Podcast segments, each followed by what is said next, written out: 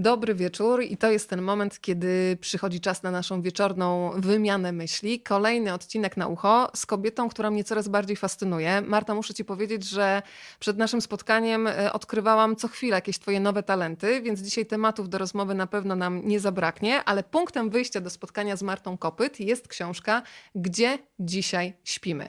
Ja zachęcam tradycyjnie Państwa do tego, żeby dzielić się naszym dzisiejszym spotkaniem. Zasada jest bardzo prosta. Pod tymi okienkami, w których nas Państwo oglądają na profilu facebookowym Rozmawiam, bo lubię, czy na profilu wydawnictwa Druga Noga, jest taka opcja udostępnij. Państwo klikają i wtedy automatycznie ta rozmowa pojawia się również na Waszej osi czasu.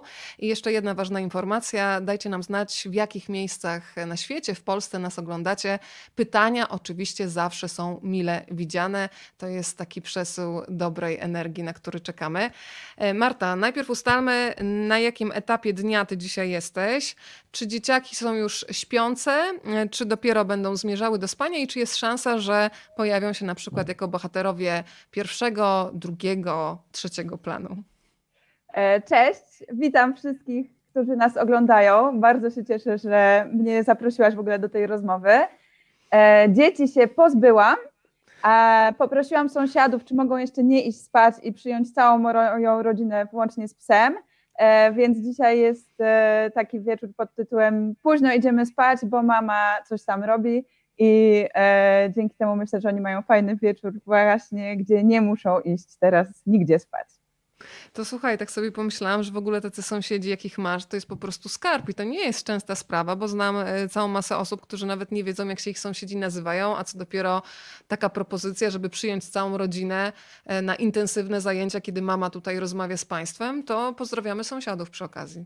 Ja powiem szczerze, że moi sąsiedzi są najlepsi na świecie. Chciałabym wszystkich tutaj bardzo pozdrowić. Uwielbiam Was i, i po prostu nie wyobrażam sobie mieszkać na innym osiedlu i naprawdę są najwspanialsi, najwspanialsi. Chociaż cieszę się, że będą wakacje i przez chwilę nie będziemy się widzieć, bo też widujemy się codziennie i ten nasz czas jest tutaj bardzo intensywny.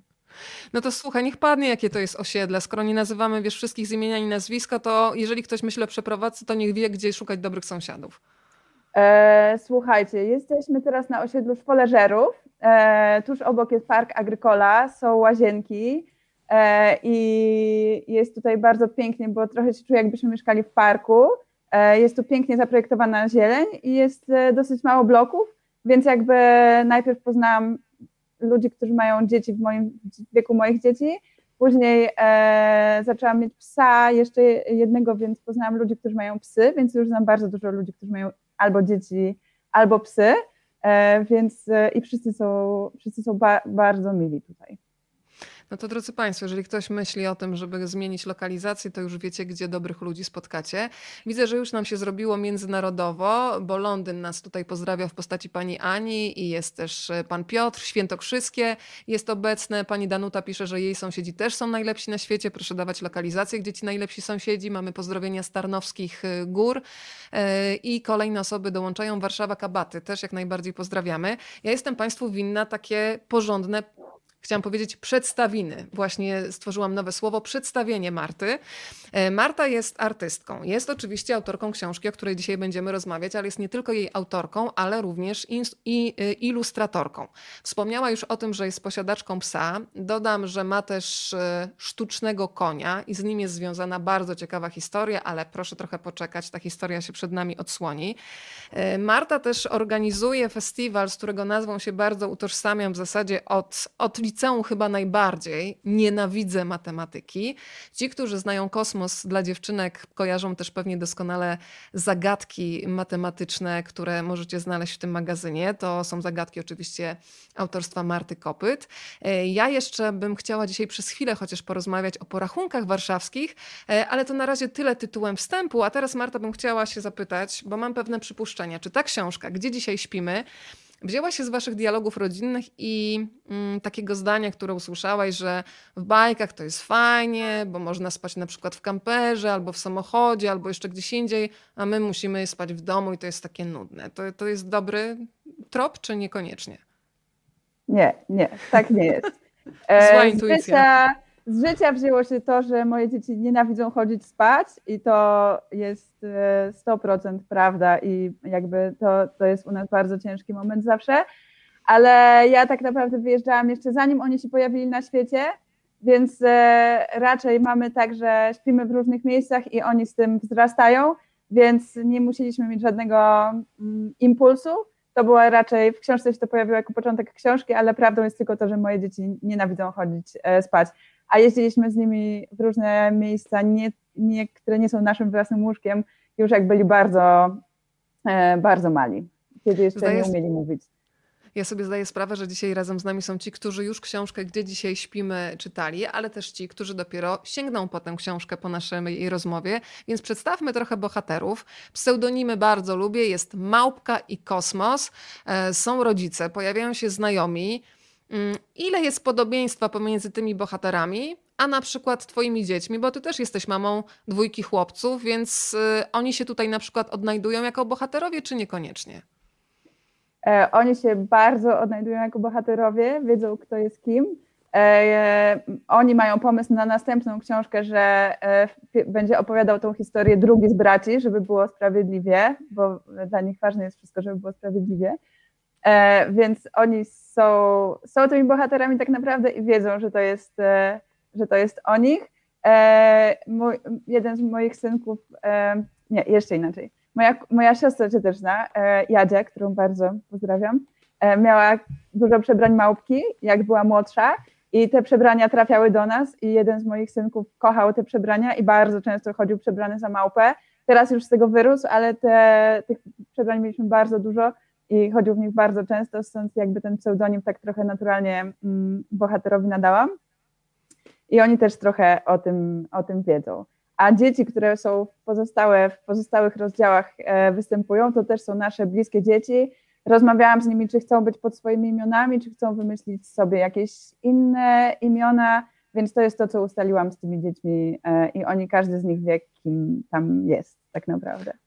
Marta, to powiedz, jakie to są emocje? Po pierwsze, kiedy ty otwierasz tą paczkę od kuriera, która przychodzi już z książką. Od razu powiem, że to nie jest pierwsza książka Marty, bo przypomnę na przykład y, Legendy Warszawskie, ale też Punkt Wyjścia, wytwórnik geometryczny, y, ale chyba radość jest chyba podobna, niezależnie od tego, czy, czy to jest pierwsze, drugie dziecko i tak samo pierwsza, druga, trzecia książka, więc najpierw o twoje emocje pytam, a potem co się dzieje, kiedy małe rączki się potrafią już dorwać do tej książki, przeglądają i odnajdują no, fragmenty swojej rzeczywistości w czymś, co będą czytały inne dzieciaki? Ja sobie tylko mogę wyobrażać, że to jest jakaś ekscytacja, jak jest naprawdę.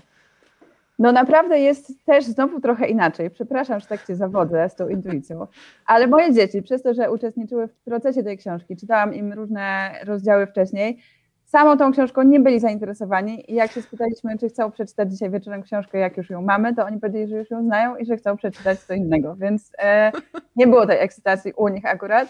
Większa była właśnie u tych znajomych dzieci, które się tam jakoś odnalazły i które się cieszą, że tam są.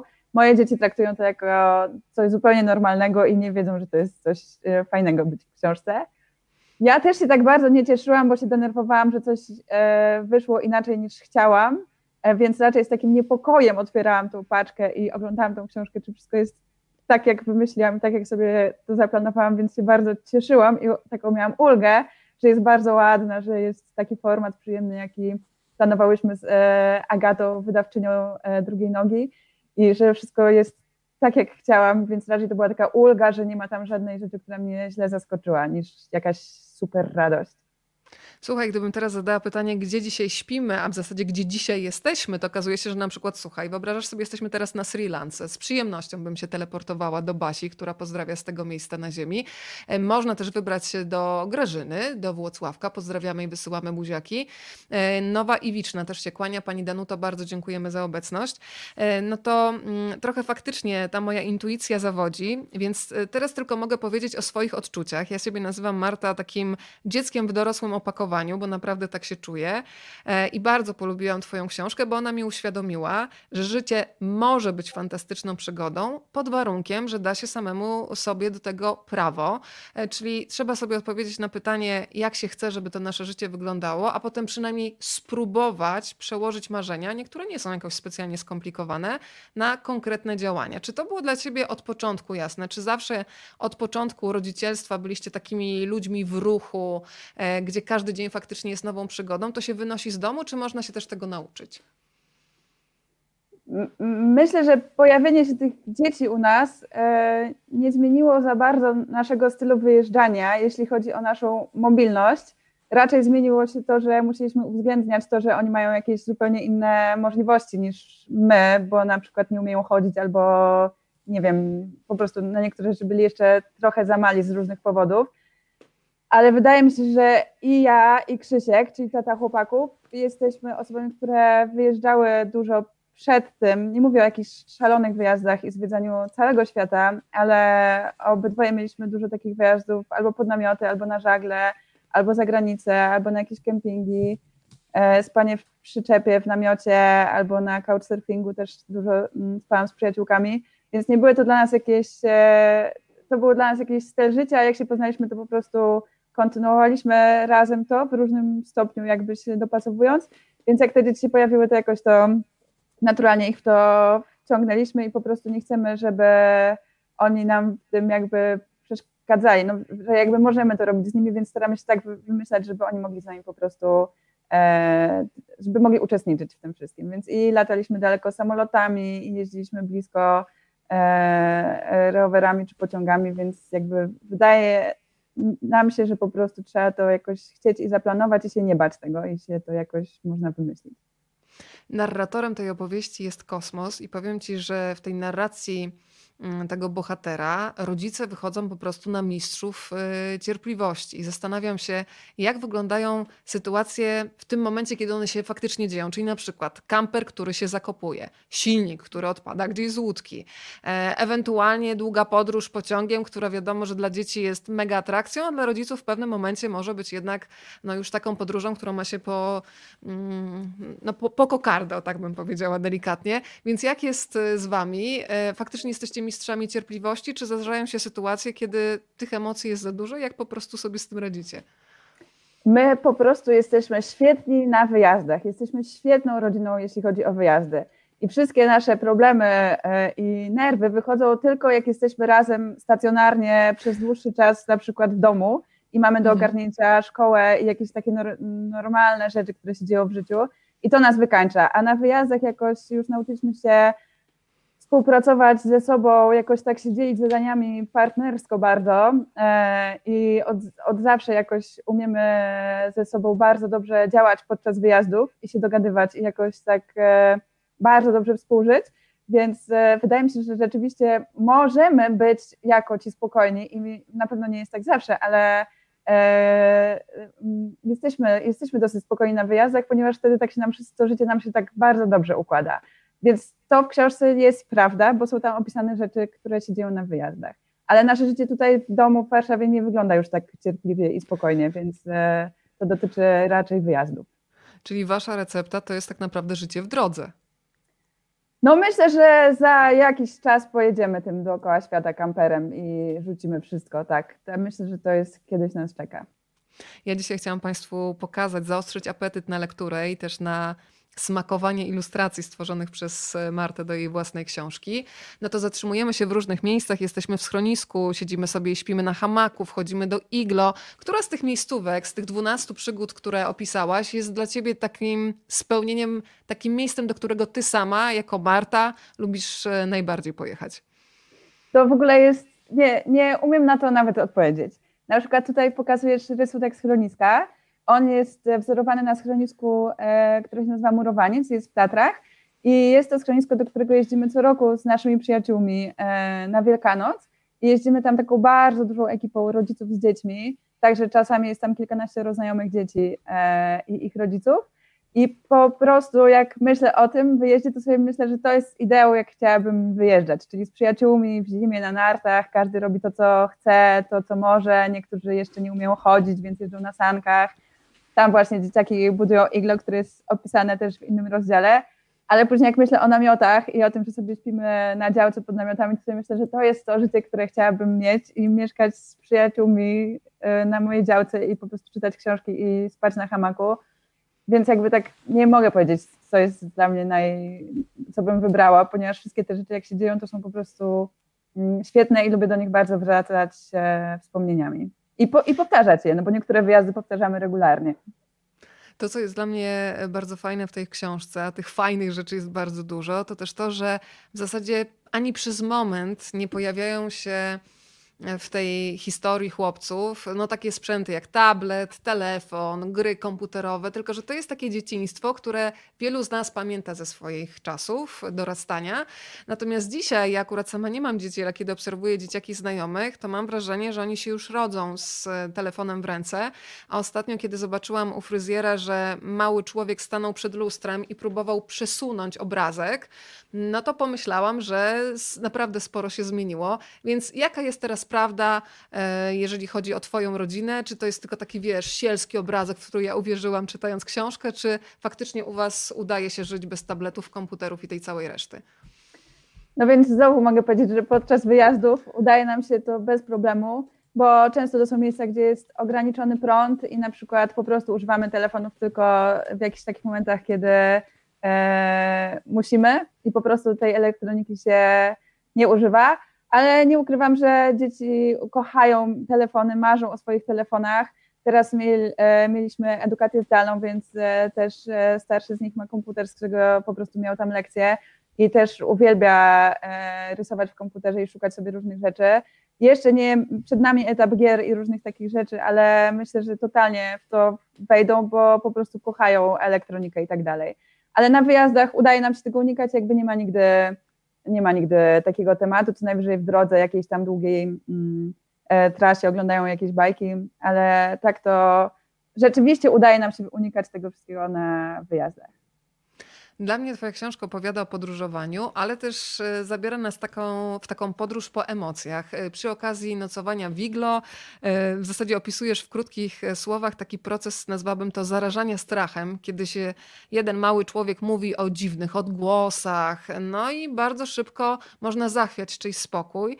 I wtedy to, co mi się bardzo podoba, że ty pokazujesz, że nigdy się człowiek nie jest w pułapce i może się wycofać. I nawet jeżeli kiedyś mu się wydawało, że nocowanie w iglo może być super, to jeżeli się pojawia strach, to po prostu bez oporów wraca do mamy i nikt go nie ciśnie, że on musi wytrwać i że to będzie super wyzwanie i męska przygoda.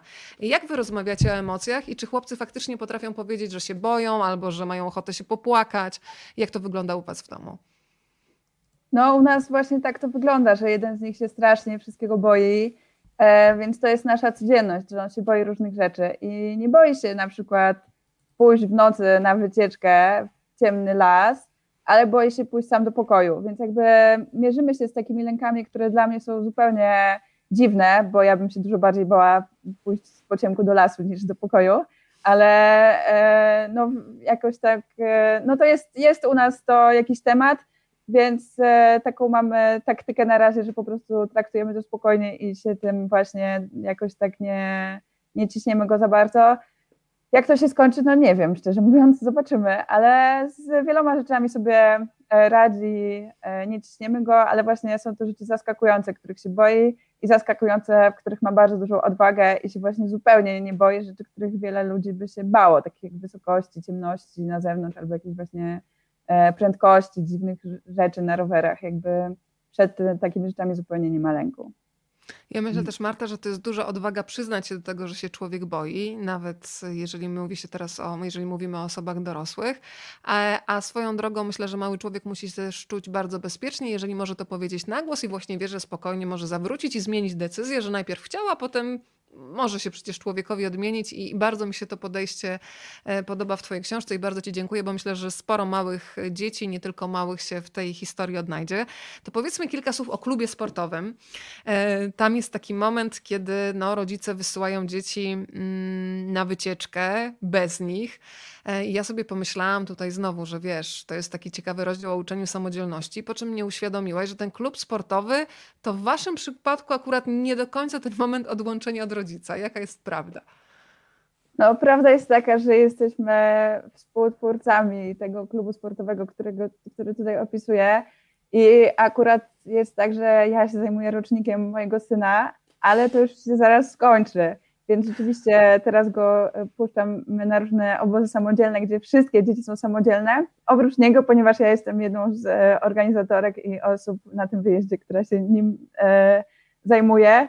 Tak samo zresztą mojego przyjaciółka, której mama też jest instruktorką i z nami pracuje, więc jakby oni mają tą samodzielność na razie troszeczkę tak spokojnie, ale już teraz w zimie będą jeździć, będą jeździć bez nas i no i raz już był sam bez nas, więc jakby da, wiem, że daje, daje radę, ale rzeczywiście póki co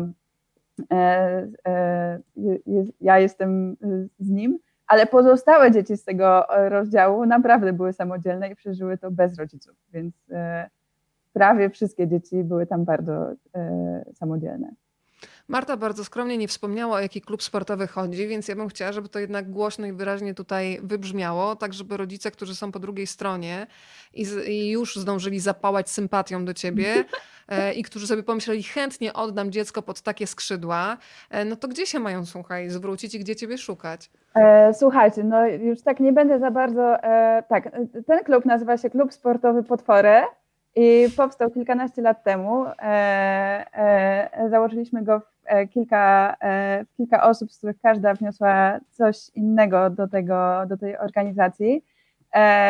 Jakby naszym głównym, głównym sportem, który robimy jest narciarstwo, ale ponieważ jest trudne ono do robienia w Warszawie, ponieważ nie mamy tutaj wielu gór i do gór jest po prostu stąd kawałek, kawałek także nie można sobie codziennie ćwiczyć, kiedy się chce, więc e, też robimy tutaj w Warszawie inne rzeczy, treningi ogólnorozwojowe, e, czasami chodzimy do muzeów, czasami mamy jakieś warsztaty, teraz organizujemy dużo obozów i półkolonii e, w lecie, mm, gdzie robimy właśnie rzeczy, które są przygotowujące do nart, ale też zawsze dla nas jest ważne to, żeby te dzieci się zaprzyjaźniały, łączyły się w taką grupę, którą spaja coś właśnie, jakaś rzecz, którą lubią, no i my postawiliśmy akurat na narciarstwo, także jest to to narciarstwo jest łącznikiem wszystkich dzieciaków, ale staramy się, żeby, żeby oni tworzyli grupę, żeby byli dla siebie wsparciem, e, żeby sobie pomagali e, i żeby byli po prostu fajną bandą.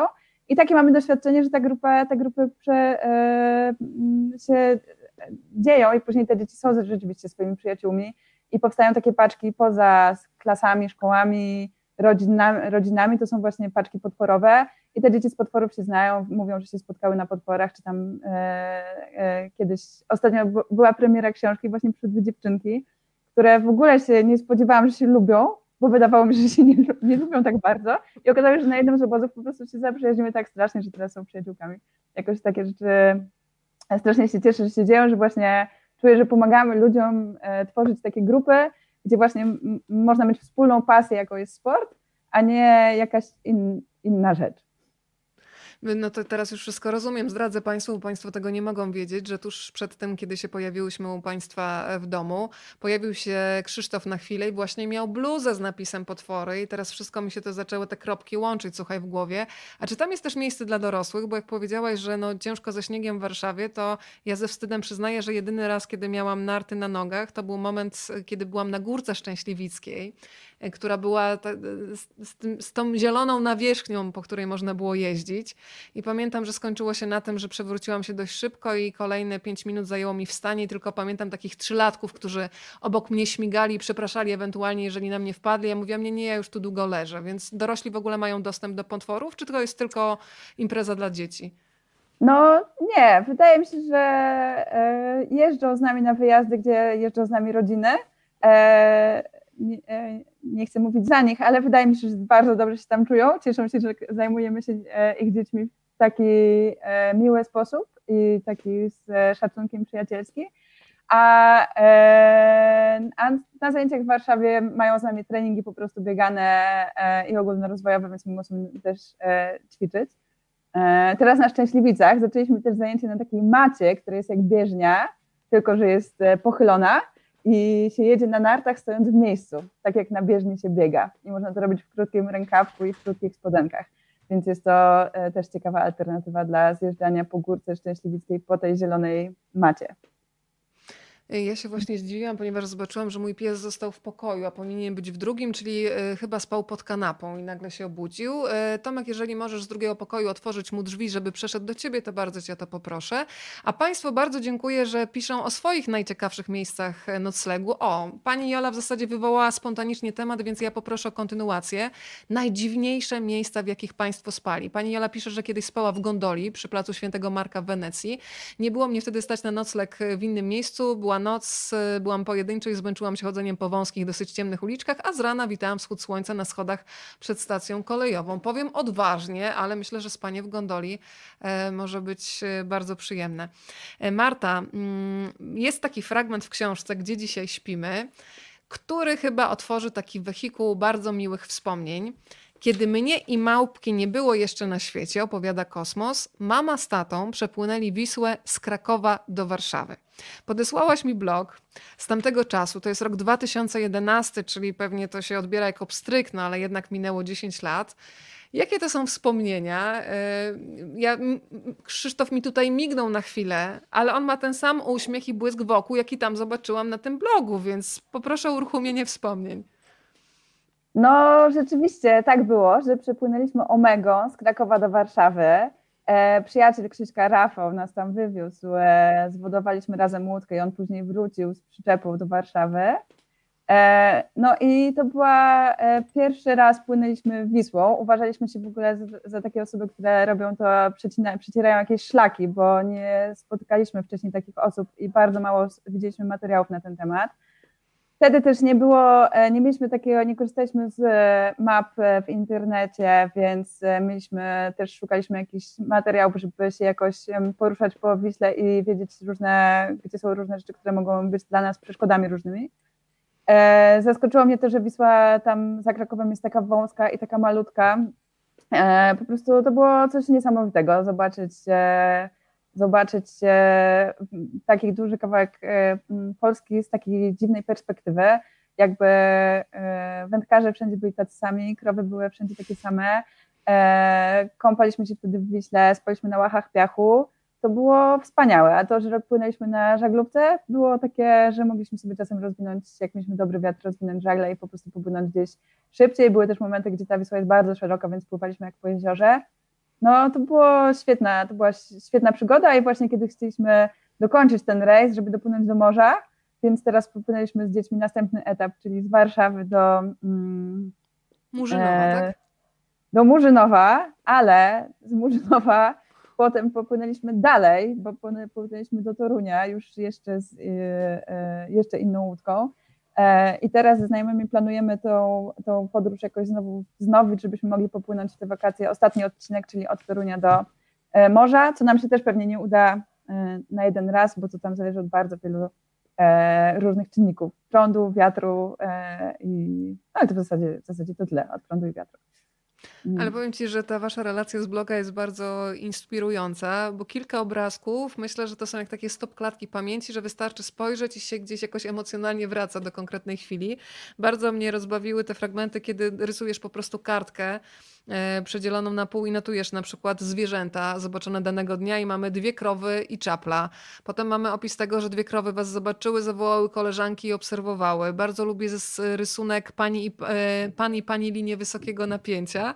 E, to Gdybyś mogła porównać, czym się różniła ta podróż z tego 2011 roku do tej wyprawy z 2020 roku, kiedy jesteś ty, Krzysiek, są już chłopcy, są znajomi ich dzieci, E, czy faktycznie, bo znam sporo osób, które w momencie, kiedy pojawiają się w ich życiu dzieci, jednak e, no, zamienia swój taki bardzo intensywny i ruchliwy tryb życia na mocno stacjonarny. Czy tak z ręką na sercu możesz powiedzieć, że to wcale nie jest wyzwanie, czy jednak trzeba się trochę postarać, tak żeby to była pełna prawda?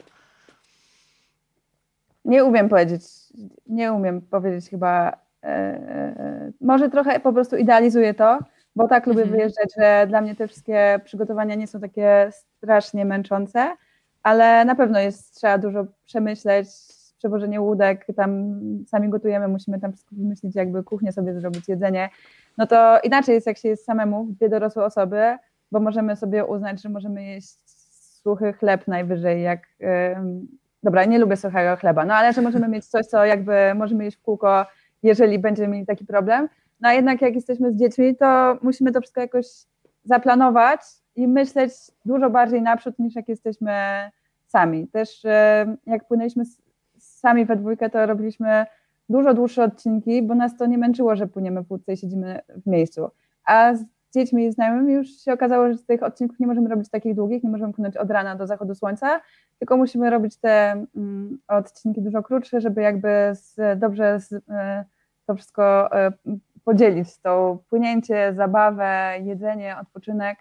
E, też oni muszą się dużo ruszać. My tak, nie musieliśmy się dużo ruszać i wystarczało nam to, że płyniemy i że krajobraz się przesuwa, a te dzieci jednak mają potrzebę dużego ruchu, której nie da się zrealizować na, mm, na łódce. To prawda. To jeszcze muszę Cię zapytać o jedną rzecz, bo w książce, gdzie dzisiaj śpimy, jest taki fragment o podręczniku żeglarza jachtowego, e, który zabrali rodzice, bo rodzice w ogóle nie wiedzieli, co oznaczają różne bojki, flagi, cały czas coś sprawdzali. Mm, więc zastanawiam się, czy to jest autoironia, e, czy jednak relacja z prawdziwej wyprawy. E, no, to jest dużo rzeczy. Po pierwsze, byliśmy dumni z naszych dzieci, że naprawdę spakowali jako książkę na wyjazd, książkę taką właśnie podręcznik żeglarstwa, która nie jest taka, taką barwną powieścią, tak?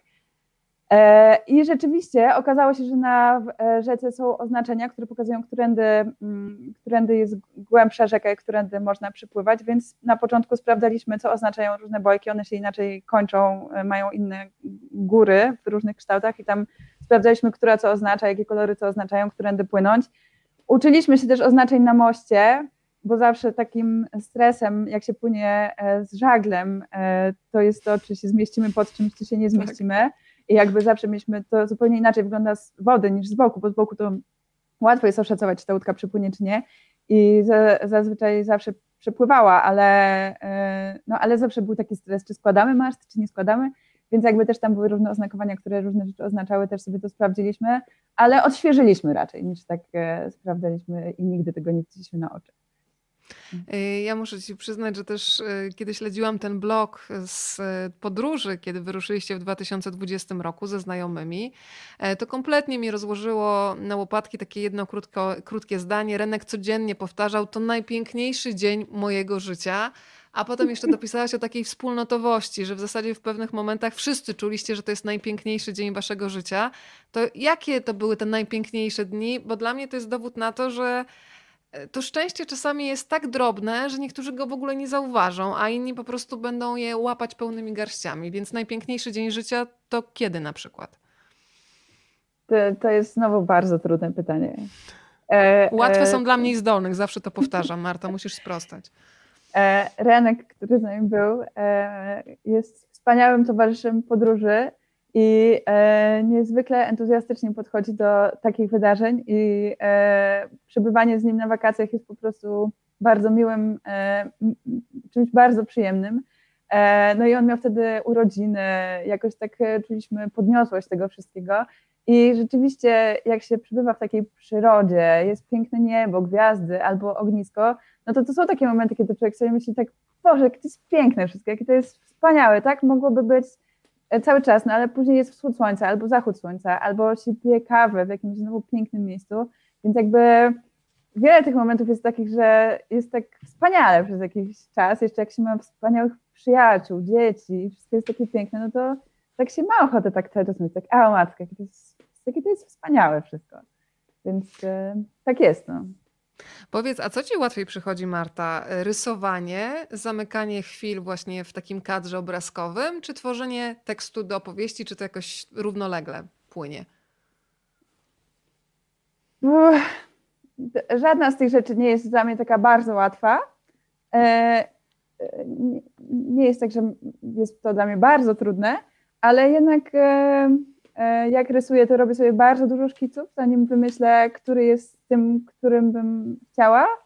E, więc jakby trudno mi jest czasem, mimo pozornej prostoty tych ilustracji, to często jest, e, bardzo dużo poświęcam myśleniu, jak ona powinna wyglądać, żebym była taka zadowolona do końca z tego. Z tekstem tak nie mam. Raczej mam tak, że pisz, piszę, później pisz, sprawdzam jeszcze raz, później piszę, później 100 razy e, redaktorka mi zmienia każde słowo.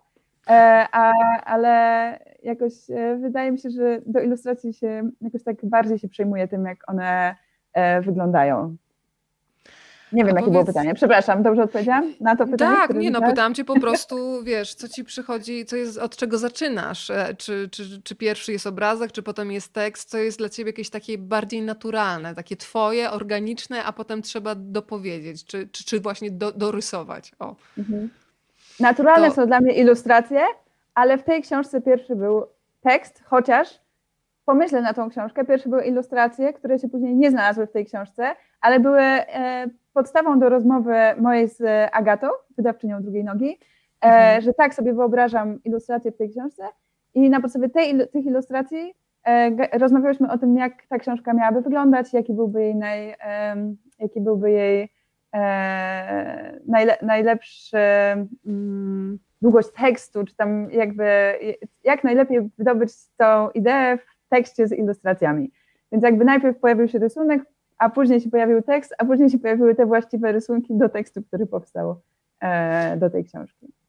A powiedz, jak często zdarza ci się podsłuchiwać, ale oczywiście podsłuchiwać z takimi dobrymi intencjami, tych dialogów, które się toczą pomiędzy młodymi ludźmi, właśnie wtedy, kiedy nie ma obok dorosłych, kiedy oni są jakby kompletnie nieświadomi tego, że ktoś tam jednym uchem jednak łapie, bo są chyba takie wzruszające momenty, takie rozkminki dziecięce, nad którymi już rzadko się zastanawiamy jako dorośli. Mnie na przykład w książce, gdzie dzisiaj śpimy, jakoś tak rozczuliło to wspólne patrzenie w księżyc i zastanawianie się, dlaczego on świeci. I jakoś tak sobie pomyślałam, kurczę, muszę nadrobić, dawno nie patrzyłam w księżyc, żeby w ogóle pomyśleć, dlaczego tak pięknie świeci, to już nie pamiętam kiedy, więc nadrobię. E, podsłuchujesz? No, chciałabym powiedzieć, że nie, ale na przykład dzisiaj niechcący podsłucham. Po prostu to są. Nie, nie robię tego specjalnie, ale e, często się nie wtrącam w rozmowę dzieci i chyba one zapominają czasami, że są, jestem e, gdzieś tam niedaleko więc dzisiaj na przykład podsłuchałam ich rozkminkę odnośnie Dnia Matki, czwórki dzieci, które się zastanawiały, czy lepiej nam kupić lody mamom, mamom, bo poszli na lody, wrócili i mieli narady. Czy lepiej kupić lody i wtedy muszą się złożyć po 50 groszy, żebyśmy dostali te lody. Ale najstarszy chłopiec tłumaczył im, że najlepsze dla mamy jest, żeby im się powie, że e, je się kocha i żebyśmy nie płacili, nie kupowali tych lodów, ale po prostu wszyscy razem powiedzieli, że, e, że kochamy bardzo mamy i że to jest najlepsze. Więc świadkiem byłam, znaczy świadkiem, no takim no, za, za no po prostu... Mimowolnym świadkiem byłaś. Mimowolnym, mimowolnym świadkiem, więc jakby czasami coś takiego słyszę i tak sobie zapamiętuję, bo niektóre te rzeczy są po prostu przecudowne, jak oni ze sobą e, rozmawiają, ale celowo nie, nie, raczej nie, nie staram się posłuchiwać e, tak, e, tak dzieci, no nie, nie, tak. Ale ty, Marta, podejrzewasz, że, że w tej rozmowie chodziło o to, żeby jednak, że jakoś obudził się też instynkt biznesmena, że przecież wystarczy powiedzieć, że kochamy i zaoszczędzimy te pieniądze? Czy, czy jednak to było pokazanie, że rzeczy nie są tak istotne, a miłość jest ważna? Jaka była taka prawdziwa intencja, jak, jak sądzisz? Nie wiem, no na koniec usłyszałam mojego synka, który powiedział, ja się nie składam na to, więc nie wiem, jaka była. Myślę, że uznali też, że to jest jeszcze za tyle dni, że nie ma co teraz e, tego ruszać. Myślę, że była tam chęć biznesmeńska też. No. Myślę, że tak, te pieniądze są jakoś tam, e, trochę się nad nimi zastanawiają. No. Powiem ci, że y, odnośnie siły miłości, to ja zawsze sobie żartuję, że mój pies, to są słowa zresztą Szymona Holzmana, który kiedyś powiedział, że jego pies go kocha za żarcie, i można to interpretować na dwa sposoby, jako takie zażarte, bardzo mocne uczucie, ale też zażarcie i tutaj już trochę się ten kontekst zmienia. Nie wiem, czy czytasz komplementy z Londynu, właśnie jeden z nich zawędrował. Pani Marto, te rysunki są po prostu cudne. To niech Państwo jeszcze cieszą oczy. Ja tutaj podsuwam kolejne cuda do zobaczenia. E, to ja jeszcze zapytam o Olka Dobę, mm, który się gdzieś tam przemyka w Twojej książce, gdzie dzisiaj śpimy. Jakie lektury towarzyszą Wam, e, kiedy czytasz chłopcom? Bo bohaterowie książki, czyli Małpka i Kosmos, czytają o pewnym podróżniku, który kajakiem przepłynął ocean. Czy faktycznie Olek Doba, którego miałam ogromną frajdę poznać, był takim człowiekiem, który był w kręgu zainteresowania chłopców, czy on jest tylko taką postacią, która się pojawia w książce i być może rozbudzi jakąś ciekawość dziecka? A kto to był? E, no, my przeczytaliśmy książkę e, o, e, o wyprawie kajakiem i ona bardzo zaciekawiła chłopców, ale oni jeszcze, nie wiem, czy nie, nie wiem, czy tak myślą, że chcieliby robić takie duże rzeczy. Raczej te, te ich marzenia podróżnicze są dużo prostsze w takim zakresie, co robią nasi znajomi i my, czyli raczej, raczej bardziej osiągalne, ale śledzili teraz e, też e, jakiś czas temu był taki rejs e, łódek dookoła świata, to tam śledzili relacje z Krzyśkiem i patrzyli, jak, jak tam, którędy te łódki płyną. Więc jakoś tam co jakiś czas się coś pojawia, jakiś zjazd z Szalonej Góry, Bargiela czy coś takiego, ale nie są, nie, nie, nie podtrzymujemy jakoś tego tak bardzo. Tą książkę po prostu dostaliśmy kiedyś i jest przepiękna, przepiękna po prostu, jest ślicznie wydana, jest bardzo ciekawa, więc tak jakby działa na wyobraźnię, ale nie, nie jest to jakiś, nie mamy całej, całej biblioteczki podróżniczych książek, raczej e, klasycznych książek, a teraz e, po prostu czytamy Harry'ego Pottera. Ja muszę ci się przyznać, skoro y, y, Ania wywołała tutaj temat ilustracji, że ja kocham tę ilustrację, bo ona jest po prostu kosmiczna, powoduje, że człowiek sam leci w kosmos. E, kiedy poznałaś taką, naj, naj, najbardziej poczułaś taką siłę wyobraźni swoich synów? E, bo dla mnie jest niesamowite to, że dzieci no, tak jak, nie wiem, mówiło, można powiedzieć, że, nie wiem, Pessoa, czyli portugalski pisarz sobie tworzył te heteronimy, czyli wcielał się w różne postacie i sobie, kiedy rozmawiałyśmy o tym z moją koleżanką Martą, to w zasadzie ona powiedziała, że był trochę tak jak dziecko, czyli tworzył tym postaciom ich język, nawet, nie wiem, y, charakter pisma, ale polegało to na tym, że kiedy wchodził w jakąś postać, to jakby bez problemu się przemieszczał z jednej do drugiej i, i Marta mi to tak fajnie powiedziała, że w sumie jak dziecko. Jednego dnia jest astronautą i w 100% wierzy to, że jest astronautą. Pięć pięć minut później potrafi się bawić, nie wiem, w pisarza albo w kogoś jeszcze innego. Kiedy twoi chłopcy ci uzmysłowili, że naprawdę ta dziecięca wyobraźnia to jest coś, co niestety tracimy potem jako dorośli i że mogą się tak po prostu przemieszczać z jednej postaci w drugą? Mm, nie, nie, nie zastanawiałam się nad tym. W sensie nie, mhm. nie uważam, żeby oni mieli jakąś wybitną e, wyobraźnię. Wydaje mi się, że po prostu jest jakaś taka e, taka, nie, nie wiem, przepraszam, nie mam pojęcia. Nie mhm. zastanawiałam się nad tym. E, to, co mi się podoba w nich i w ich jakby postrzeganiu świata, to jest to, że e, potrafią się bawić, przerwać tą zabawę z jakiegoś powodu, pewnie, pewnie ja im przerywam, albo ktoś w sensie dorosły, e, mhm. i później potrafią wrócić do tej zabawy, jak się spotykają na przykład ze swoim bratem po dwóch tygodniach, potrafią wrócić do tej zabawy w tym momencie, w którym byli i po prostu ją kontynuować, więc to mi się ostatnio takie miałam refleksje, znaczy, że to jest niesamowite, że oni tak potrafią e, wracać do czegoś, co już po prostu zaczęli jakąś zabawę, no i to jest jakiś tam świat e, wyobraźni i po prostu wchodzą w to i kontynuują to, jak się bawili. To jest dla mnie, to jest dla mnie jakieś niesamowite i oni po prostu wtedy od razu wchodzą w to i od razu po prostu są w tej, są w tej zabawie, no, dopóki znowu im ktoś nie przerwie. I tą zabawę już teraz tłuką od trzech miesięcy i po prostu cały czas muszą ją tylko przerywać i później zaczynać e, w tym miejscu, w którym skończyli. A co to jest za zabawa, ta od trzech miesięcy, która tak najbardziej wciąga? Nie mam pojęcia. Nie A, mam tam pojęcia. są jakieś wewnętrzne reguły gry. Ja to teraz to jest, drodzy... Oni powiedzieli, że to jest za, za, trudno, żeby komuś to już wytłumaczyć, więc już, Trzeba mieć wiem. mniej lat, żeby to zrozumieć, tak sobie myślę.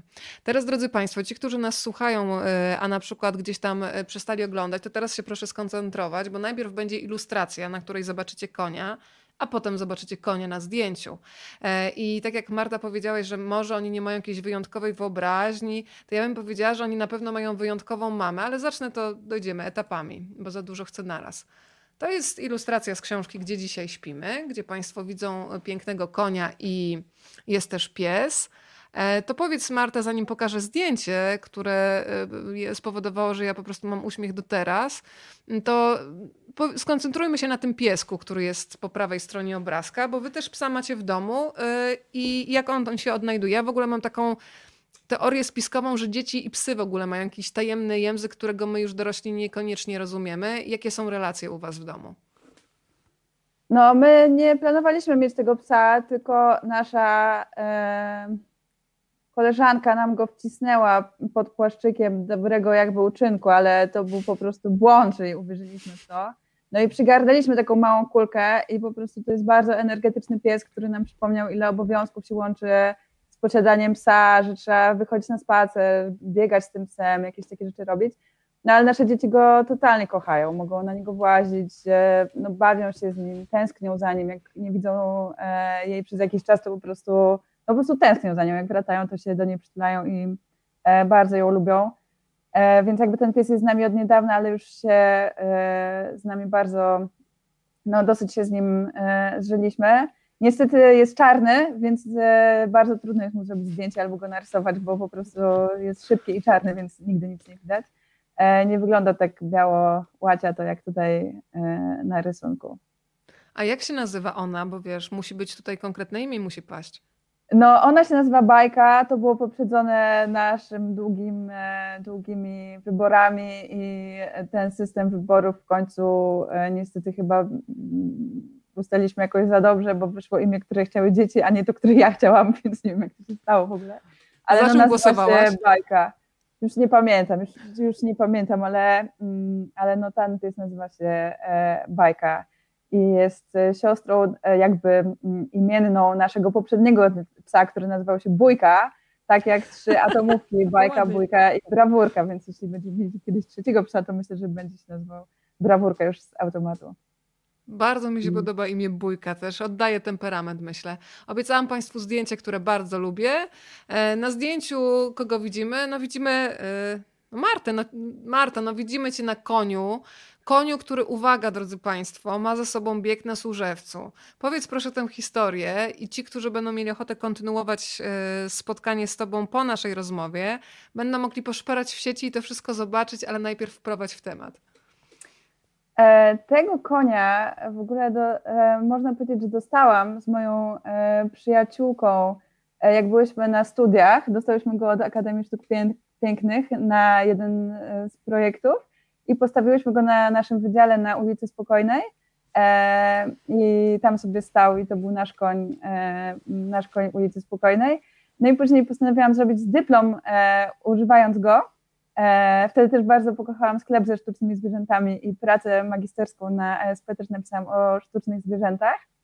E, I e, wymyśliłam, że tego konia przedstawię na wyścigach konnych, które bardzo lubię i że wystawię go jakby w jego własnym biciu rekordu prędkości, czasu, czasu na 100 metrów. I mhm. do tego mm, przygotowywałam się bardzo długo, dokumentowałam cały ten proces i jakby mm, ten bieg był tylko, jakby był performancem, na który wszystkich zaprosiłam, jakby on był moją pracą dyplomową, ale cała ta praca wcześniej była niesamowita, bo mm, tego konia umieściłam w stajni jednego z trenerów e, i mieszkał z innymi końmi. I e, osoby, które opiekowały się żywymi końmi, też opiekowały się tym koniem i bardzo go polubiły, bardzo mi pomagały. On był u weterynarza na takim. E, weterynarka nie chciała go zbadać, bo powiedziała, że to są żarty jakieś, ale dostał taką, takie, takie, dostał taką kartę, mieszkał tam w swoim, w swoim boksie. Miał zbudowane dwa podwozia, jedno takie na teren z wielkimi kołami, drugie takie ze skrętnymi kółeczkami na nazwijmy to asfalt, żeby można było nim łatwo jeździć i mm, skręcać, także miał małe kółeczka pod, pod jakby kopytami e, do takiego przewożenia go z jednego miejsca do drugiego. E, I e, w dzień poprosiłam też jokeja, żeby, czy mógłby po ostatnim wyścigu zostać i pojechać na tym koniu moim i zgodził się na to i po prostu jestem niesamowicie mu wdzięczna, ponieważ jednak to, że prawdziwy jokej go dosiadał, to było no to było po prostu wspaniałe. Zresztą jest to jockey, który jest po prostu prawdziwym jockeyem, jakby to jest jego praca. Więc Artur, Artur Dul, Artur prawda? Dul, tak, tak, tak. Byłam wzruszona, że on się na to zgodził i, no, i wziął w tym udział. No, koń był ciągnięty na, na jakby takim sznurze uprzęży przez siłaczy, których do tego zatrudniałam. To było czterech moich znajomych, którzy po prostu zgodzili się mi pomóc. E, i mm, udało mi się załatwić start maszyny, czyli ten taki e, ten taki, mm, takie boksy, co są na, samym tak. początku do startowania, gdzie się otwiera ta bramka i ten koń startuje. E, namówiłam pana, który jest tam speakerem, który ma wspaniały głos i po prostu wspaniale mówi i on po prostu tym swoim wspaniałym głosem zapowiedział tego konia, zaprosił wszystkich do loteryjki, którą tam można było obstawiać, czy kto, ile, ile w jakim czasie on e, przebiegnie ten dystans no po prostu to wszystko jakoś bardzo, bardzo miło mi się współpracowało ze wszystkimi na tych wyścigach jakoś wszyscy totalnie weszli w to i po prostu nikt tam nie podważył tego pomysłu, mimo że nie jest on taki jakiś. Um, wydawało mi się, że będę musiała wszystkich namawiać na to, żeby wzięli w Mhm. tym udział, a po prostu udało mi się wszystkich do tego jakoś e, zaangażować w to, także miałam naprawdę wspania- to był wspaniały bieg. No później no byłam po prostu niesamowicie wzruszona. Przyszli goście, bili mi brawo. Zostało też, ponieważ to było tuż po ostatnim wyścigu, e, to zostali też tacy ludzie, którzy po prostu są takimi e, wygami starymi na wyścigach. E, I też bardzo się cieszyłam, że oni też e, patrzyli na to, oni tak bardziej sceptycznie, no ale wzięli w tym udział, tak, byli też e, kibicami, klaskali i no bardzo to było wszystko, e, bardzo to było wszystko mm, fajne, bardzo mi się to e, podobało i, i strasznie dużo osób mi przy tym pomogło. E, jakoś e, cieszę się, że to się tak e, udało wszystko wymyślić i, i poszło tak fajnie. Świetne było to, że faktycznie, jak mówisz, wszyscy weszli w tę konwencję. Mi się podobały też te plakaty, wyścig sztucznego konia, ten konferencjer fantastyczny, właśnie w takim starym, eleganckim stylu, który zapowiada. Jockey, który próbuje jeszcze swoim ruchem ciała jakoś sprawić, żeby ten koń się szybciej na tych kołach przesuwał. E, Jeżeli będziesz tworzyła kolejne takie projekty, to z przyjemnością mogę ciągnąć tego konia, cokolwiek robić, bo to jest trochę takie stworzenie sobie zaczarowanego świata, gdzie można zostawić swoją codzienność na godzinę, dwie i nagle w ogóle wejść w kompletnie inną e, rzeczywistość. E, Ktoś tutaj zauważył, że o, pani Iwona napisała, pierwsze skojarzenie przy okazji jeszcze tej, wiesz, e, ilustracji, kiedy pokazywałam konia, pierwsze skojarzenie z Pipi. No to powiedzmy jeszcze, jak się koń nazywał, bo to w No napisach się koń- pojawia. Koń to jest taka trochę moja wpadka, przyznam szczerze, bo opierałam się o moją pamięć, która niestety nie jest za dobra. No i ja bardzo kochałam książkę Pipi i właśnie sobie Mhm. myślałam, że jak będę miała konia kiedyś, to mogę go nazwać tak jak koń Pipi. Ale niestety ja zapomniałam e, i mi się wszystko poplątało i myślałam, że koń Pipi nazywał się pan Nelson, a Nilsson ten koń był, nie, nie? nie dość, że ten koń nie miał nazwy, to jeszcze małpka nazywała się pan Nilsson. A, to Więc ja, mapka, no e, więc ja troszeczkę zaufałam sobie, zamiast to sprawdzić. No i nazwałam konia pan Nelson i po prostu on się e, tak nazywa i w zasadzie trochę nawiązuje do Pipi, ale niestety tak trochę nie, nieudacznie. I nie, nie. Ale moim celem było nazwać tego konia tak, jak nazywa się e, koń Pipi, ale też przez jakiś czas bardzo się śmiałam, ponieważ tam Pipi w książce mówi, że właśnie e, ktoś się pyta, czemu ten koń e, stoi gdzieś tam na werandzie, a ona mówi, że po prostu nie miała miejsca w kuchni i po prostu my z naszym koniem też tak mieliśmy, że on przez jakiś czas mieszkał z nami w mieszkaniu, bo nie wiedzieliśmy, co z nim zrobić. I właśnie też później, jak wystawiliśmy go do ogródka, to dla nas to było takie oczywiste, że on stoi w tym ogródku, bo po prostu w kuchni już było trochę za ciasno dla niego. Więc tak. Słuchaj, pani Ania z Londynu napisała, jak ja żałuję, że tego nie widziałam, samo zdjęcie już powoduje, że śmieję się do siebie. Ania, nic straconego. To cały czas ten film jest na YouTubie, prawda, Marta? Jest, jest, jest. Można go, można go zobaczyć. Także Ania, jeżeli masz ochotę, to napisz e, do mnie, ja się podzielę z przyjemnością zresztą z każdym, kto będzie chciał zobaczyć ten link i zobaczyć faktycznie sztucznego konia, który pokonuje naprawdę w zawrotnym tempie swój wyjątkowy wyścig. Wracam jeszcze do książki, gdzie dzisiaj śpimy. E, Tak sobie pomyślałam, że takie podróżowanie, na przykład pływanie omegą, to też jest sztuka samoograniczenia, jeżeli chodzi o pakowanie się. E, Jak to wygląda u Was? Czy faktycznie jesteście minimalistami w życiu i czy chłopcom mm, idzie samo ograniczenie tak samo dobrze jak rodzicom? Mamy bardzo dużo rzeczy, a to, że tyle rzeczy robimy, to niestety nam nie pomaga, ponieważ teraz na przykład, ja teraz w salonie mam buty narciarskie, e, ponieważ one ciągle są w użytku, więc jakby jesteśmy, nie mamy szans, e, jesteśmy przez rzeczy przywaleni i e, marzę o minimalizmie, ale to jest w ogóle, to jest jakieś moje marzenie, którego raczej nie, nie sądzę, żeby mi się to kiedykolwiek udało.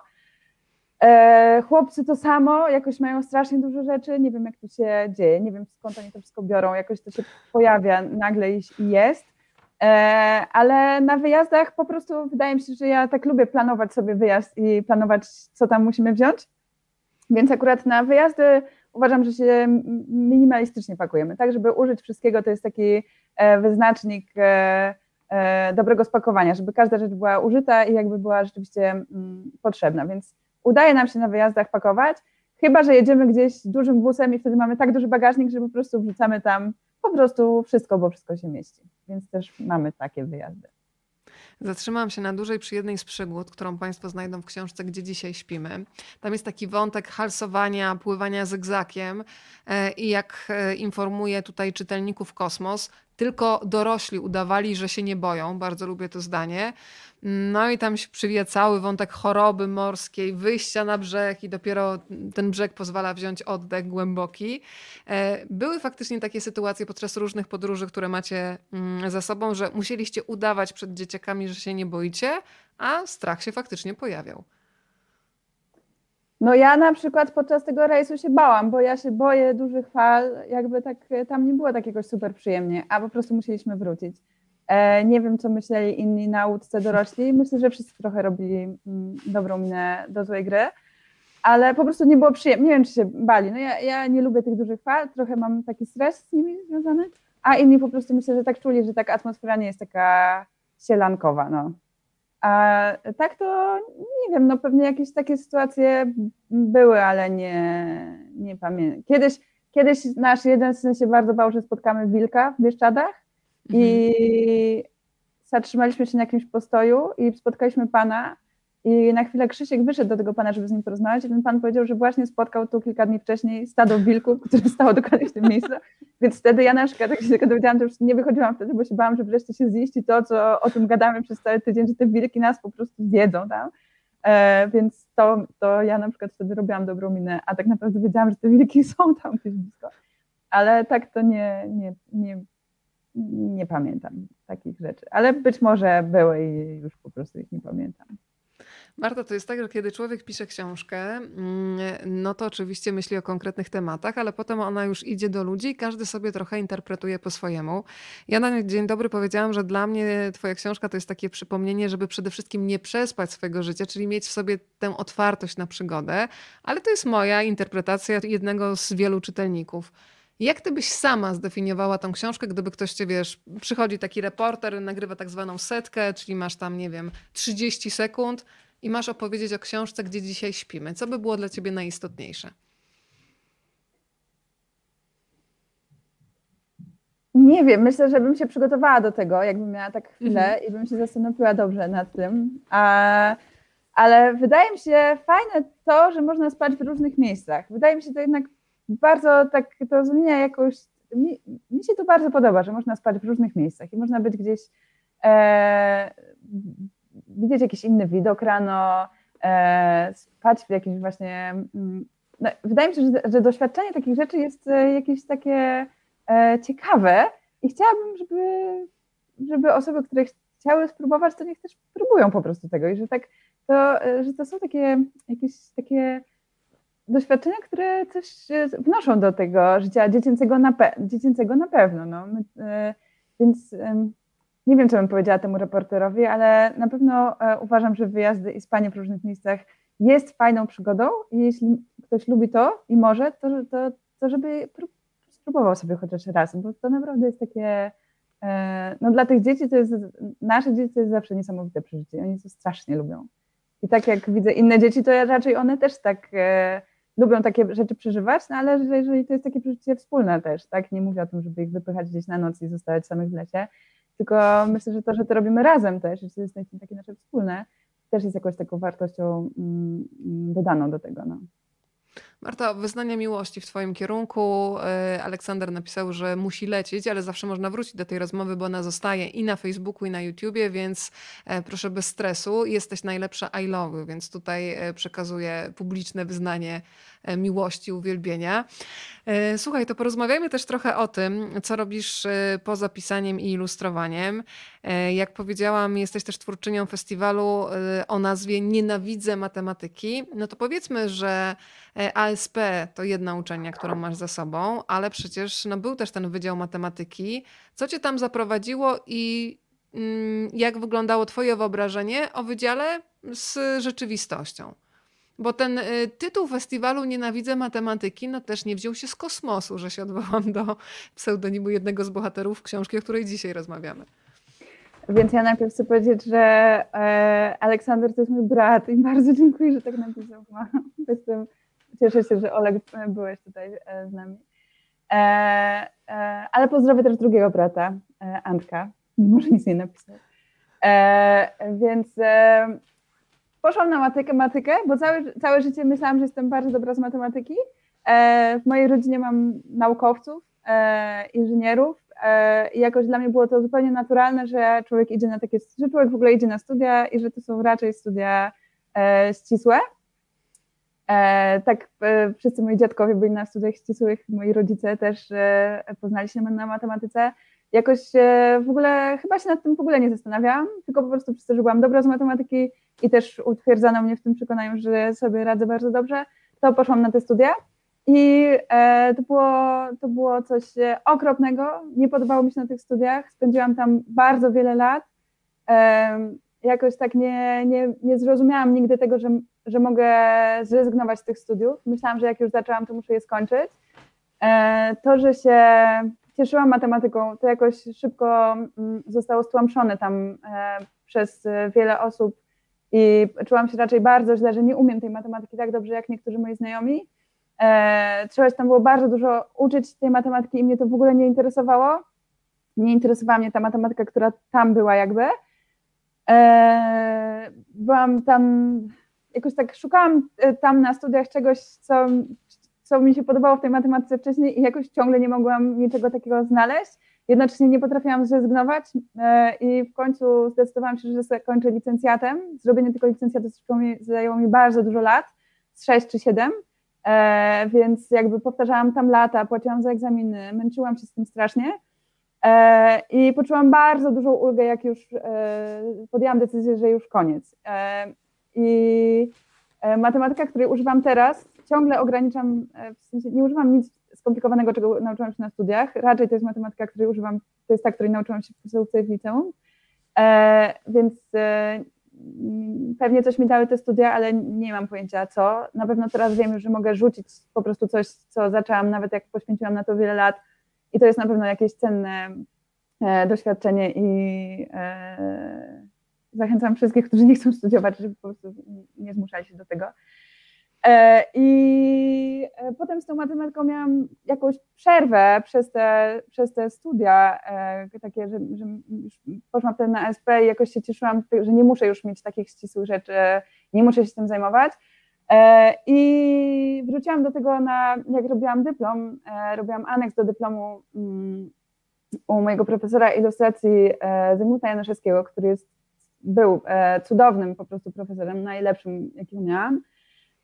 I pod jego batutą zrobiłam zadania, niezbyt trudne zadania matematyczne i to były takie kolaże z tekstem i w zasadzie to był pierwszy raz, kiedy użyłam ilustracji, tekstu i matematyki naraz i bardzo mi się to spodobało odbiór tego na wystawie później podyplomowej był bardzo miły dla mnie. Cieszyłam się, że właśnie mm, ludzie dzięki temu, że narysowałam coś w sposób nie matematyczny i nie specjalistyczny jakby, podchodzą i wtedy zaczynają czytać i jakoś e, rozwiązują nawet zadania, nie, nie, mimo że by nie rozwiązali ich, gdyby je zobaczyli w naukowej gazecie. Jakoś to mi pokazało, że można łączyć to wszystko i dało mi jakoś taką, e, że, że może to jest mój jednak taki duży, duża umiejętność, że jednocześnie ogarniam tę matematykę i nie jest dla mnie w ogóle straszna, a jednocześnie bardzo lubię ilustracje i też nie jest dla mnie straszna i że mogę jakoś może oswajać tę matematykę e, dla ludzi i więc uznałam, że jednym z moich takich celów życiowych to będzie właśnie popularyzacja matematyki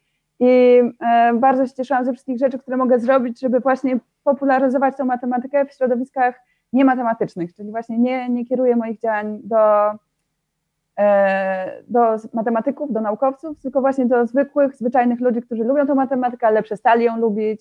Prowadziłam e, zajęcia z Nienawidzę Matematykę, gdzie zapraszałam same osoby, które nienawidzą matematyki i starałam się im pokazać, co jest w tej matematyce, co kiedyś lubili i odgrzewać to. Wymyśliłam wtedy grę Nienawidzę Matematyki i graliśmy w to było bardzo śmiesznie i jakby doszliśmy do, wtedy do wielu różnych wniosków wspólnych. I ta gra Nienawidzę Matematyki właśnie miała mm, zachęcić ludzi, którzy nienawidzą matematyki tym tytułem, żeby przyszli na moje zajęcia i żebyśmy razem to jakoś przepracowali.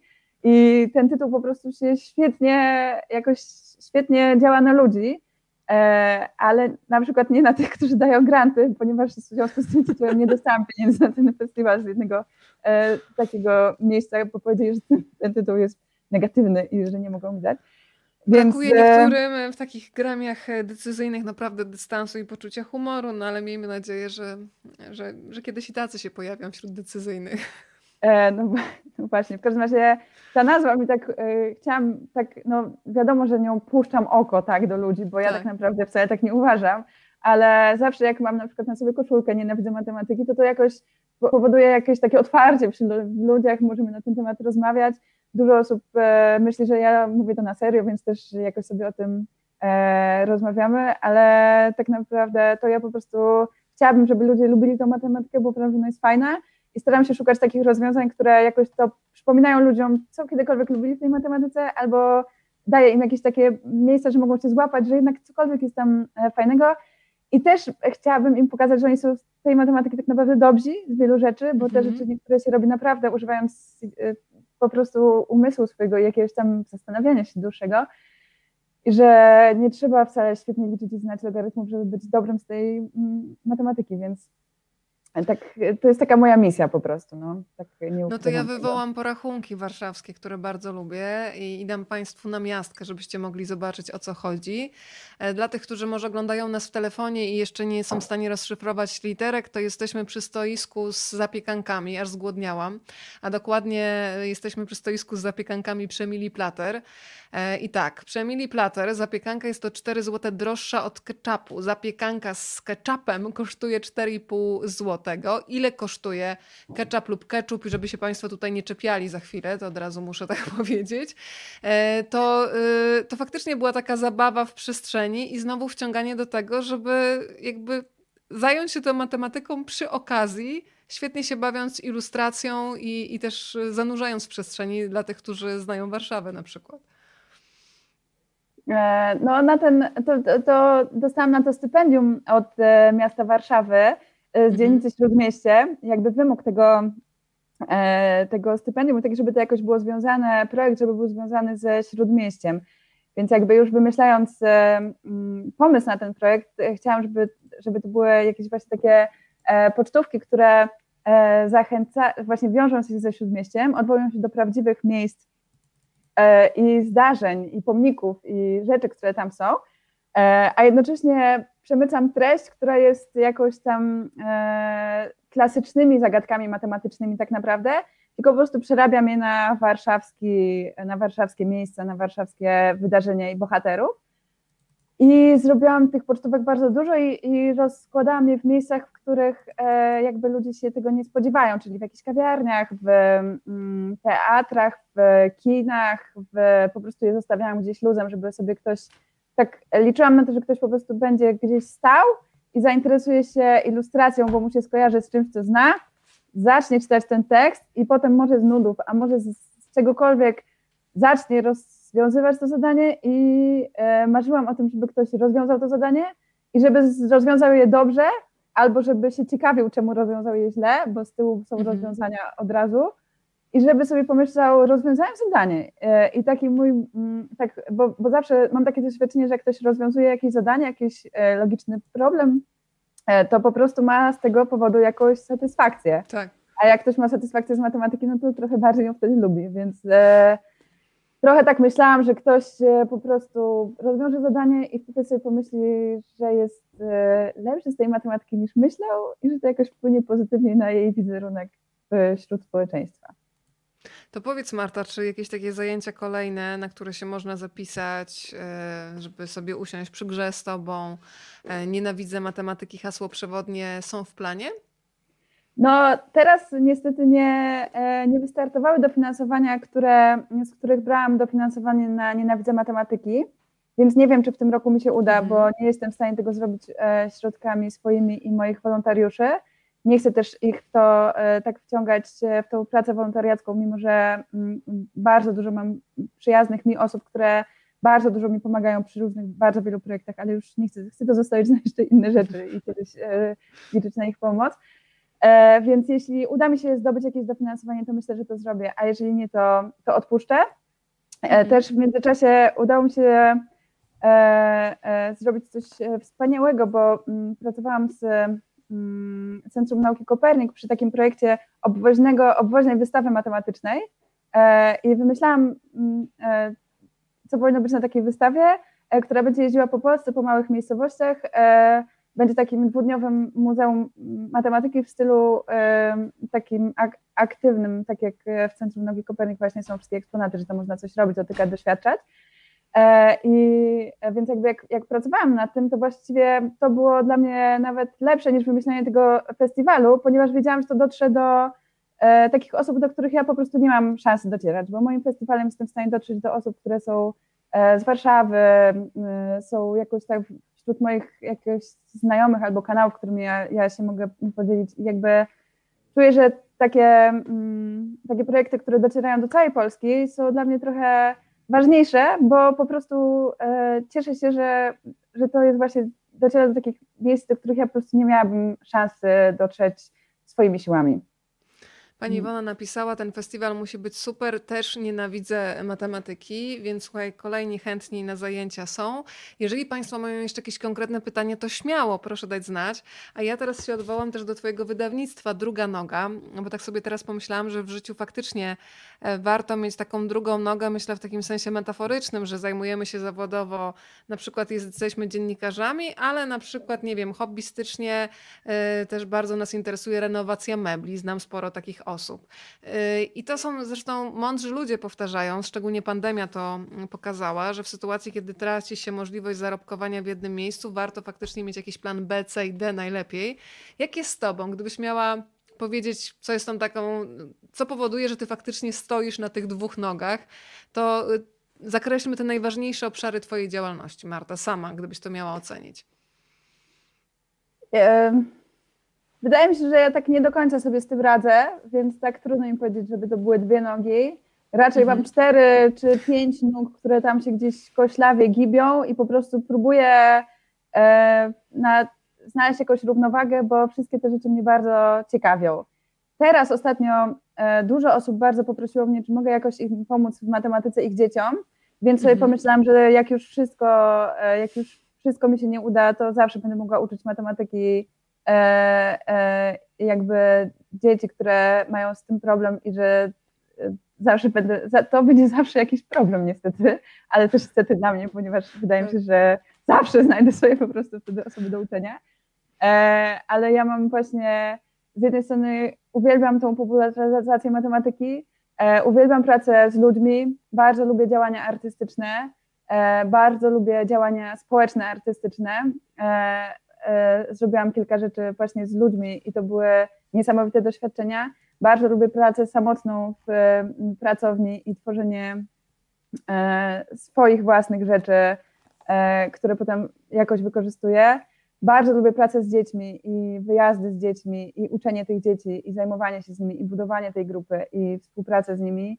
Bardzo lubię moją rodzinę, spędzanie z nimi czasu, bardzo lubię moich przyjaciół bardzo lubię wyjeżdżanie e, samodzielne z moimi, z moimi przyjaciółkami, więc jakby ja mm, jest mi bardzo trudno to wszystko jakoś dobrze, e, dobrze połączyć i mieć w tym jakąś równowagę. I myślę, że przez to, że tyle rzeczy mnie interesuje i jakoś czuję się w nich spełniona, to właśnie to mi, dla mnie jest trochę trudniejsze niż, że, że, że nie chcę niczego wybierać, nie chcę z niczego rezygnować, E, więc czasami mam dużo, duży problem, żeby to wszystko jakoś sensownie, mm, sensownie połączyć. Więc ja te dwie Wiesz, nogi to sobie teraz wizualizowałam, słuchaj, no. że jesteś Martą Kopyt ośmiornicą. Tak mi się to w obrazku, słuchaj, teraz ułożyło. No, może coś takiego i po prostu czasami, czasami, czasami robię coś, super projekty z różnych tych dziedzin i e, przez to też, że z różnych nich mam pieniądze, to też nie mam takiego jasnego sygnału, że tylko tu powinno działać, tylko właśnie e, jakieś te sygnały od, od świata też są dla mnie nie, nieczytelne, więc jakby póki co robię tak właśnie, czuję, że tak jestem kilkoma osobami naraz, i, ale w niektórych tych projektach łączę właśnie mm, te, te kilka osobowości, wydaje mi się, że to świetnie, e, świetnie mi wychodzi, no ale nie zawsze jest to dla mnie łatwe. I więc czasami jestem bardziej artystką, czasami właśnie popularyzatorką matematyki, czasami instruktorką dzieci, czasami E, zarządczynią klubu, no jakby bardzo, bardzo to jest dużo e, innych ról. Kobieta pracująca żadnej pracy się nie boi. Słuchaj, nigdy nie miałam piękniejszej planszy na zakończenie naszej rozmowy, a to jest plansza, która jest wynikiem Twojego talentu i Twojej pracy. E, czyli plansza, która kończy opowieść, gdzie dzisiaj śpimy, ale też kończy powoli nasze spotkanie. Mm, ja mam takie finałowe pytanie do ciebie, Marta, gdybyś miała sobie teraz wymarzyć miejsce, w którym chciałabyś dzisiaj zasnąć. Załóżmy, że nie ma innych obowiązków, że nie trzeba odebrać rodziny od sąsiadów i psa, tylko że faktycznie możesz przyłożyć głowę do poduszki albo nawet bez poduszki, gdzieś na jakimś igliwiu, gdziekolwiek, to gdzie byś dzisiaj chciała zasnąć? Eee, chyba bym pojechała do mojej przyjaciółki i spała u niej w domu. Bardzo chętnie, tak naprawdę. Eee, bardzo lubię z nią spędzać wieczory i później iść, e, iść spać. Eee, a z drugiej strony próbowałam kupić na jutro bilet e, do no, pociągu sypialnego, bo e, musimy się przedostać gdzieś tam i e, bardzo marzyłam, że właśnie za kilka dni będę spała w pociągu sypialnym ale mimo wielu prób nie udało mi się kupić tego biletu, więc trochę też marzyłabym, żeby jednak przesłać się w tym e, pociągu sypialnym e, właśnie z moimi dziećmi w następnej naszej podróży, ale niestety mi się to nie udało, więc po prostu będziemy jechać w zwykłym pociągu, więc to też jest takie moje marzenie, ale niestety jeszcze nie spełni się w najbliższych dniach. To jeszcze pani Ania komentuje, że to jeszcze ja w sprawie spania. Moja przyjaciółka z Norwegii, która nie mogła tu dziś być, śpi z mężem i dzieciakami na drzewach w hamakach, w takich specjalnie przeznaczonych do tego hamakach, zapinanych na subach i ze światełkiem w środku. Za każdym razem, kiedy przesyła mi zdjęcia, patrzę na nie z zazdrością. Szczęściarze mają las y, pod domem. E, I do, po dzisiejszym spotkaniu dołączą do Pani pewne dzieci spoza Warszawy i Polski. Pozdrawiam ze Szkocji. Bardzo ciekawe spotkanie na koniec ciężkiego dnia, więc e, Marta zostałaś dzisiaj czasoumilaczem. E, dziękuję pięknie, spotkanie super. Bardzo Państwu dziękujemy za uwagę. Marta, jeszcze musisz się podzielić swoją ulubioną cyfrą od 1 do 10, ponieważ obiecałam Państwu, że książka Gdzie dzisiaj śpimy E, będzie szukała dobrego domu i ciekawych, takich chętnych do czytania małych rączek. Więc od jednego do dziesięciu czekam. Nie powiedziałaś mi, że mam się do tego przyszykować. To nie jest takie proste. Nie wiem, czy ulubiona, ale na pewno podoba mi się bardzo dużo właściwości liczby 6, więc weźmy tą szóstkę. Drodzy Państwo, to oznacza, że szósta osoba, która wpadnie do mojej skrzynki, e, zostanie nagrodzona książką, a piszemy pod adres rozmawiam, bo lubię, małpa gmail.com. Ja zaraz po naszym spotkaniu policzę do sześciu, to mi wychodzi całkiem nieźle i do szóstej osoby odpiszę z tą bardzo miłą informacją, że kurier z książką wkrótce zapuka do Państwa drzwi. Bardzo dziękuję Ci Marta za to spotkanie i za Twój czas i energię. Powiedz jeszcze, kiedy mm, kolejna książka, bo ja mam ochotę na więcej. Ja wiem, że to, co wyczekane, dużo bardziej smakuje, ale czy długo będziemy musieli czekać na kolejne opowieści Twojego autorstwa? No tutaj na premierę książki, która była w ostatnią sobotę, przyszła moja koleżanka i zaczęła rodzić i urodziła kilka godzin później, więc e, totalnie mamy teraz mm, e, e, taką zabawę, gdzie dzisiaj rodzimy, że to będzie następna książka i właśnie wymyślamy różne, różne, różne rozdziały, ale nie wiem, czy to będzie taka, taka w tym samym stylu, co, e, co ta o różnych e, notowankach. Trzymam mocno za to kciuki. Będę w takim razie chyba lobbować wydawnictwo Druga Noga, kiedy ta książka, gdzie dzisiaj rodzimy. Ale bardzo jest... chciałam Ci podziękować za, za zaproszenie, bo e, e, denerwowałam się trochę przed tym spotkaniem, ale jakby e, wspaniale się z Tobą rozmawia i bardzo, bardzo dziękuję, że, że masz takich miłych słuchaczy i że stawałaś mi tyle pytań i że możemy tak porozmawiać. Dziękuję bardzo. Marta, ja też Ci bardzo dziękuję i przyznam Ci się z ręką na sercu, że ja się też denerwuję. się przed każdą rozmową od kilkunastu lat e, stresuję, ale na szczęście na tej wadze wygrywa radość. I już nawet mówię wprost, że się stresuję wtedy ten stres sobie ucieka. Polecam też na przyszłość. Wszyscy jak mówisz im na głos, że się stresujesz, to jakoś od razu są tak do ciebie, wiesz, też przychylnie nastawieni, bo nie jesteś maszyną, tylko się też boisz. I potem już jest przestrzeń na radość, więc bardzo ci dziękuję, bo e, dużo radości dostałam dzięki twojej książce i, i dzięki tej rozmowie. Ja zapraszam państwa jeszcze na kolejne spotkanie w ramach Na Ucho. Tym razem widzimy się 26 maja. Spotkanie z Grażyną Jagielską i jej książką Moje Wszystkie Domy. Startujemy godzinie godzinie 20.30 to jest taka książka, w której spotykamy bohaterkę w takim momencie, kiedy jej najmłodsze dziecko opuszcza dom. No i ona dostaje wolność, wolność, która wiąże się z bardzo trudnym pytaniem, co dalej z tą wolnością zrobić. E, No i nowy rozdział wiąże się ze sporą ilością takich tragikomicznych wydarzeń i z takim pytaniem, co się stało z tymi ważnymi chwilami, które odkładaliśmy na później. Więc polecam Państwu również. E, Marta też mam nadzieję, że dołączysz. Słuchaj, tym razem w roli widza. E, Zaproszenie jest otwarte dla wszystkich. Pięknie Ci dziękuję, dobrej nocy. I słuchaj, jeżeli rodzina słucha, to ja Ci życzę, żeby tak wykombinowali, żebyś Ty mogła dzisiaj spędzić tę noc o przyjaciółki. Jest to realne, czy ona jest gdzieś daleko? Ona dzisiaj wyjechała do zupełnie gdzie indziej, więc to jest totalnie nierealne. Ale e, myślę, że połączymy się umysłowo razem, razem z nią. To mój umysł wysyła całą masę dobrych myśli dla Was. Przekaż też pozdrowienia dla przyjaciółki. Dziękuję Państwu, dziękuję Tobie i do zobaczenia w kolejnej odsłonie na ucho. Pięknie dziękuję. Dziękuję.